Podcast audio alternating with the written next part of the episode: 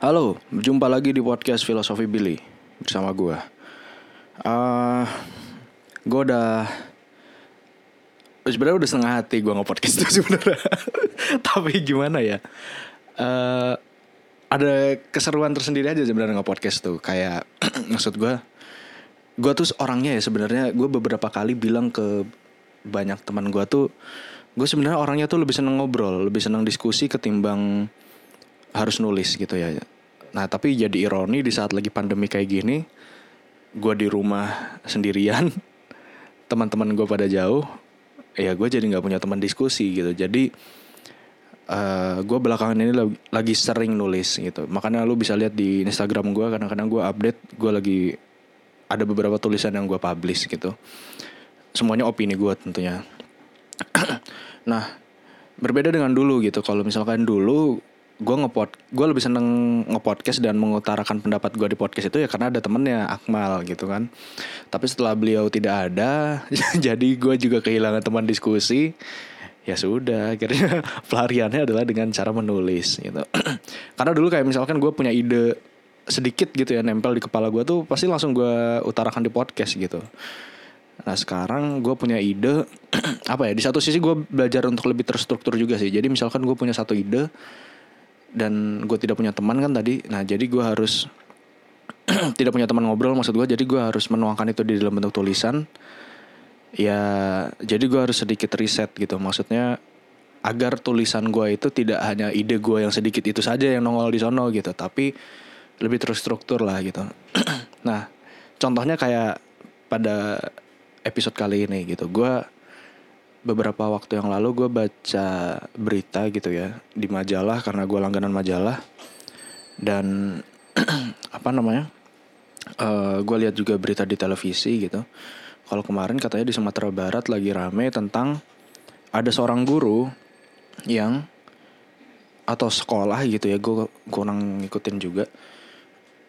Intinya si siswa ini si siswi perempuan ini dipaksa untuk menggunakan hijab gitu Nah terus rame tuh gue lihat di Twitter di mana gitu ya kalau orang-orang nih netizen yang budiman ini pada nyalahin si uh, orang-orang yang bertanggung jawab lah di sekolah itu.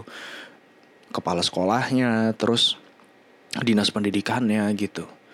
Banyak banget yang nyalahin nyalahinnya ke sana gitu.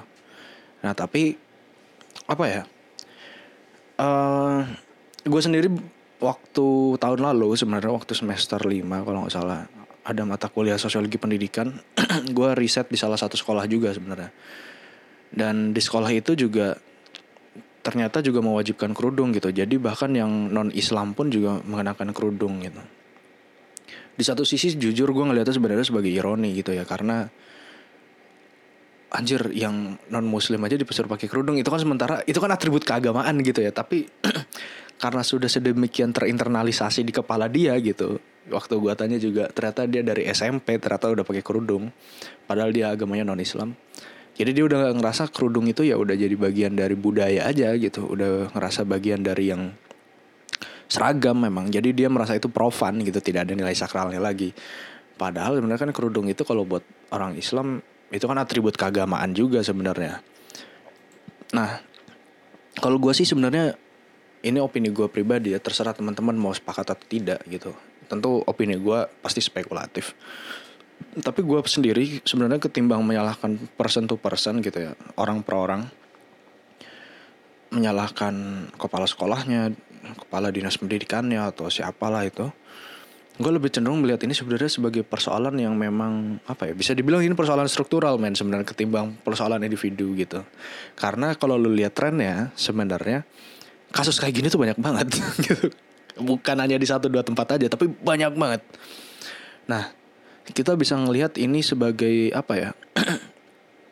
gimana ya cara gue menyampaikannya ya ini gue bener-bener lagi pengen ngomong maka gue langsung ambil alat rekaman podcast gue terus gue langsung ngomong gitu tanpa mempersiapkan terlebih dahulu uh, jadi gini gue tuh ngelihat sekarang ini nih sekitar tahun 2010-an ke sini, tahun 2010 sampai tahun 2020 dan sekarang tahun 2021 itu lagi gembor-gembornya banyak banget orang yang istilahnya gerakan puritanisme itu di Indonesia itu lagi kuat banget.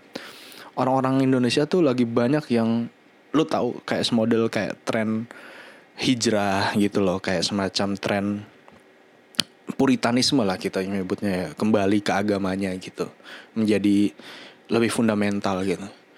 Nah gue sendiri sih ini ngelihatnya sebagai bukan persoalan yang muncul ujuk-ujuk gitu persoalan seperti ini. Gue melihat ini kalau bahasa sosiologinya itu kausalitas ya kausalitas Weber gitu. Ini paradigma yang gue pakai itu kausalitas Weber. Di mana ternyata ini tuh disebabkan oleh fenomena ini yang tadi gue bilang dari tahun 2010 sampai tahun 2020-an ini ternyata itu bisa ada karena uh, corak masyarakat kita di era sebelumnya gitu. Gue pengen ngomong di sini spesifik di Orde Baru gitu. Kenapa? Karena waktu di Orde Baru itu Islam direpresi gitu. Terserah lu mau setuju apa tidak gitu, tapi uh, gue berpendapat itu ada benarnya gitu. Islam waktu zaman Orde Baru itu memang sangat-sangat direpresi dan dengan lengsernya Soeharto gitu ya, dengan masuknya ke kita ke era reformasi, ini golongan-golongan yang tadinya ditekan oleh Orde Baru yaitu golongan-golongan Islam itu jadi bebas mengaktualisasikan dirinya. Nah, gitu bahasanya.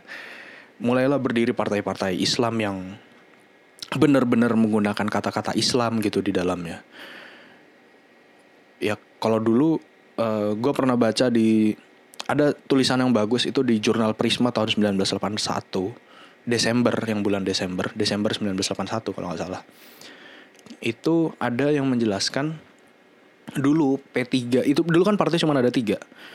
Waktu zaman Orde Baru ya tahun 1972 waktu ada program fusi partai cuman ada Golkar Golkar pun tidak dianggap partai dia golongan. Ada PDIP eh PDI waktu itu ada PDI dan P3. P3 ini kan tadinya kan fusi dari berbagai macam partai Islam kan gitu. Tapi Soeharto pun tidak ingin menyebut itu sebagai golongan dari, gabungan dari partai, beberapa partai Islam, tapi Soeharto menyebutnya sebagai gabungan dari beberapa partai spiritualis. Nah, Soeharto soalnya nggak mau divis-aviskan gitu, tidak mau dihadapkan dengan Islam gitu, karena kalau misalkan berhadapan dengan Islam, artinya berarti gue secara terang-terangan menyatakan permusuhan dengan golongan Islam gitu dan masyarakat bisa menstigma gue sebagai pihak yang salah. Nah Soeharto nggak mau kayak gitu. Nah selain Soeharto mengganti term bahwa P3 itu adalah fusi dari berbagai partai spiritualis, awalnya itu eh, P3 itu kan kalau nggak salah logonya bulan bintang ya. Ini gue lagi di depan laptop nih gue cek sekalian. Part P3. Bentar, wait, gue cari. Nah P3 kan lambangnya Ka'bah. Dulu tuh kalau nggak salah Soeharto itu juga nggak sepakat dengan penggunaan logo Ka'bah itu karena uh, apa namanya uh, ini apa namanya seolah-olah itu mencerminkan Islam banget gitu loh. Nah Soeharto tuh dulu juga nggak suka. Dan lu bisa lihat juga dari kata-katanya P3 kan partai apa namanya pembangunan kan gitu. Partai Persatuan Pembangunan. Dari namanya benar-benar tidak mencerminkan unsur-unsur keislaman gitu. Jadi beda misalkan dengan Masyumi dulu ya. Masyumi kan bulan bintang itu kan dianggap representasi dari Islam gitu logonya. Selain dari itu juga ini balik lagi ke masalah kerudung ya, gue udah ngalor ngidul. Balik lagi ke persoalan kerudung, uh, nyokap gue pernah cerita ke gue gitu kalau dulu itu sekolah negeri itu tidak emang tidak memperbolehkan siswanya menggunakan kerudung. Emang tidak emang tidak diperbolehkan gitu. Kalau lu pengen ngotot pakai kerudung ya lu sekolahnya di sekolah Muhammadiyah aja atau masuk pesantren sekalian baru lu bisa pakai kerudung. Nyokap gue sendiri pun sekolahnya negeri. Jadi nyokap gue tidak pakai kerudung ya karena tidak dibolehkan gitu. Dan nyokap gue Islam. Jadi nah, ini kan jelas sangat-sangat merepresi gitu ya dari kita nggak usah bicara yang sangat makro lah gitu. Kita lihat operasionalisasinya aja di lapangan gitu. Kayak salah satu contohnya tadi masalah lu bisa cek kok.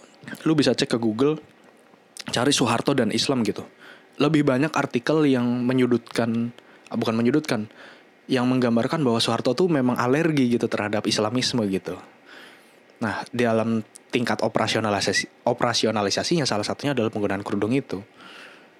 Nah, ini kaum-kaum yang bisa kita bilang terhimpit gitu ya ditekan waktu masa orde baru begitu reformasi mereka mengaktualisasikan dirinya gitu. Salah satunya kita bisa ini spekulatif lagi nih katakanlah misalkan si kepala sekolah yang mewajibkan siswanya untuk menggunakan kerudung itu adalah orang yang tidak suka dengan kebijakan Pak Harto dahulu gitu.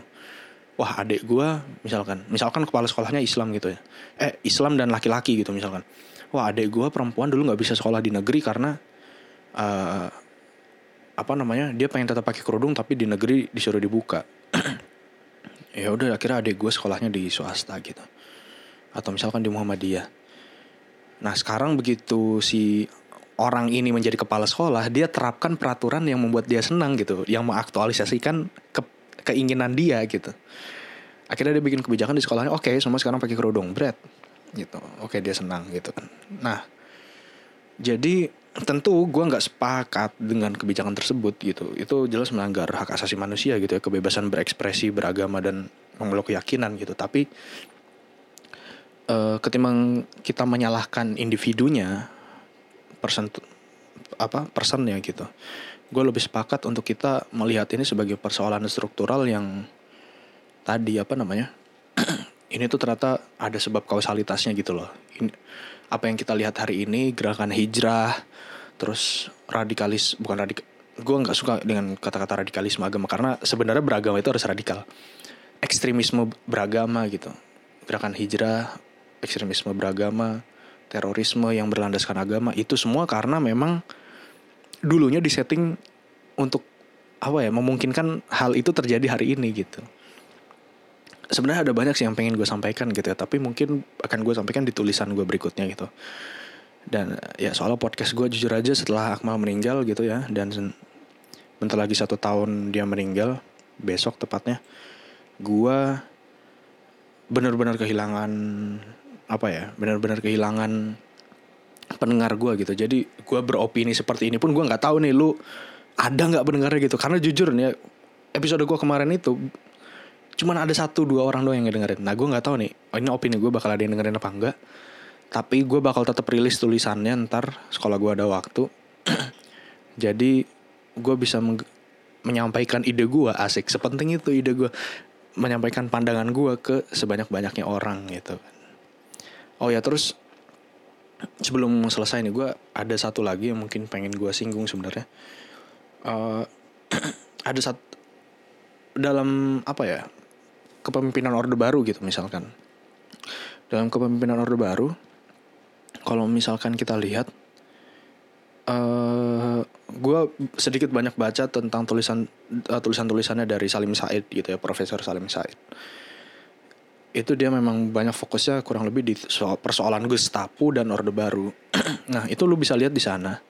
Kalau lu punya bukunya lu cari aja tulisan beliau di internet tentang Soeharto dan Islam tuh juga ada kayaknya. Itu ada di sana apa namanya? eh, bentuk-bentuk sikap Soeharto yang memang mencirikan bahwa dia alergi dengan Islam gitu. Salah satunya kayak misalkan waktu tahun 1965 kalau nggak salah waktu itu ada uh, ketua PBNU pada waktu itu gitu ya. uh, kalau nggak salah namanya siapa? Subhan kalau nggak salah. Itu dia bercakap-cakap dengan Soeharto terus dia mengucapkan insya Allah gitu. Dan Soeharto terganggu gitu. Dengan kata-kata insya Allah gitu dia bilang mengapa harus pakai insya Allah? gitu. Dia mempertanyakan itu gitu. Terus ada lagi kalau ya, yang gue tahu tuh oh ya bahkan ini uh, salah satu jenderal yang punya pengaruh besar dalam Orde Baru itu kan kita bisa bilang Murdani gitu ya LB Murdani pemilihan Murdani pun sebenarnya salah satu pertimbangannya itu ya adalah karena Murdani itu bukan Islam. Karena dia nggak mau ada jenderal Islam di samping kiri kanan dia yang Islam tuh dalam artian Islam santri gitu ya. Soeharto kan kita ya Soeharto Islam tapi abangan gitu. Salah satu pemilihan dari Murdani pun ya Beni Murdani ya karena dia bukan Islam gitu. Terus ada lagi hal yang menarik gitu. Uh, sewaktu ini apa namanya pasca Gestapo kalau nggak salah diceritakan oleh Salim Said itu ada salah satu tokoh NU juga gitu.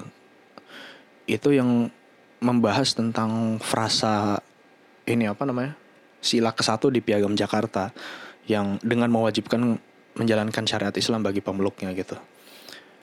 Mendengar seperti itu Soeharto langsung nanya gitu. Bagaimana dengan saya yang abangan gitu. Dan abangan lainnya apakah harus dipaksa menjalankan sembahyang? Gitu jadi banyak lah hal-hal seperti itu. Dan karena Soeharto juga istilahnya men-challenge Islam gitu ya pada saat itu uh, dan akhirnya dia mau tumbang di begitu kita mau masuk mau masuk ke gerbangnya reformasi Soeharto baru di sana mulai merangkul Islam gitu karena ingin mendapat simpati publik. Salah satunya dengan mendirikan ICMI dan menaikkan Habibie sebagai tokohnya gitu. ICMI naik ICMI itu kalau salah tahun 90 dibentuk. Nah terus satu tahun berikutnya Soeharto baru naik haji untuk pertama kalinya. Itu sebenarnya ironi sih maksud gue lu tahu tajirnya Soeharto ya? Soeharto tuh mungkin adalah presiden paling tajir gitu pada era seperti itu gitu. Ya satu dia presiden kedua dia juga pengusaha anaknya pengusaha semua dan proyek-proyek negara itu diterah, diserahkan kepada kroninya gitu kan gue rasa dia waktu menjabat sebagai presiden pun sebenarnya bisa gitu ngajak dia dan kabinetnya dan beserta keluarga kabinetnya itu untuk naik haji bareng-bareng gue rasa bisa tapi dia naik haji waktu tahun 91 demi lagi-lagi demi menggait simpati masa sebenarnya.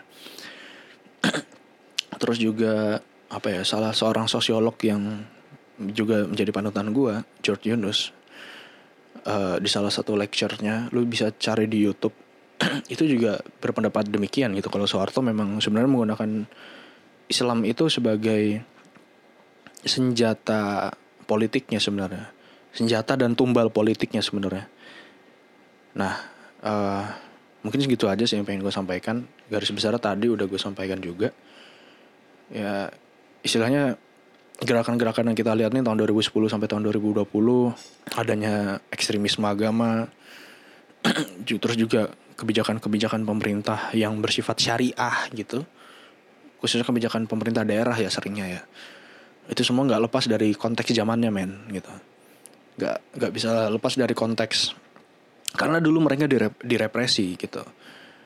Dan sekarang mereka bebas gitu kan uh, sekarang mereka udah jadi pada udah menjadi orang gitu dan punya jabatan. Udah punya posisi masing-masing di negara ini. Ya mereka melakukan apa yang menurut mereka benar dan mereka tidak bisa melakukan itu dulu waktu orde baru gitu. Jadi ketimbang menyalahkan individu walaupun harus diakui individunya tetap salah dan gue lihat Komnas Ham dan om dan apa namanya uh, beberapa jaringan masyarakat sipil udah melakukan sesuatu gitu dalam menanggapi hal itu.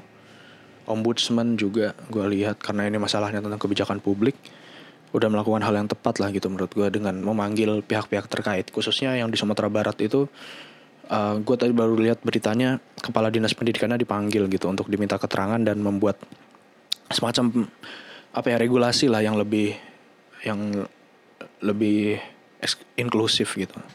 Gue rasa itu udah bagus. Nah, sekarang persoalan besarnya juga yang harus kita tanyakan menurut gue, Orde Baru itu sudah mewarnai rezim kita hari ini gitu ya. Bukan rezim dalam artian pemerintah, tapi kondisi masyarakat di grassrootsnya ini loh. Nah, bagaimana dengan hari esok gitu? Berarti kan hari ini itu adalah juga kausalitas dari apa yang akan terjadi hari depan gitu kan. Uh, eh, gue bukannya sok apa ya membawa narasi-narasi yang populis gitu, tapi lu para generasi milenial yang katanya apa namanya setengah dari populasi kita gitu. Yang kelak 2045 lu katanya tepat serat waktu serat tepat 100 tahun Indonesia merdeka lu akan mengisi pos-pos di pemerintahan lo akan mengisi pos-pos di negeri ini gitu. Lo kira-kira akan jadi orang seperti apa sih gitu? Pertanyaan besar gue itu lo akan jadi orang seperti apa gitu. Pergaulan lo hari ini gimana gitu? Hubungan lo dengan melihat pemerintahan hari ini itu bagaimana? Apa yang udah lo lakukan? Outputnya apa? Nah itulah yang menurut gue akan menjadi cetak biru lah dari Indonesia beberapa tahun lagi gitu. Khususnya kalau dalam konteks yang populis ya 2045 sewaktu Indonesia 100 tahun merdeka. Mungkin dari gue itu aja. Udah 19 menitan lebih. Dan sorry kalau gue jarang nge-podcast lagi. Padahal gue sebenarnya seneng banget nge-podcast. Cuman gak ada teman dan gak ada pendengarnya sekarang. lu share aja kalau menurut lu podcast ini bagus. Mungkin teman-teman lu atau keluarga lu yang lain mau dengerin gue bacot juga. Mungkin dari gue segitu aja. Thank you.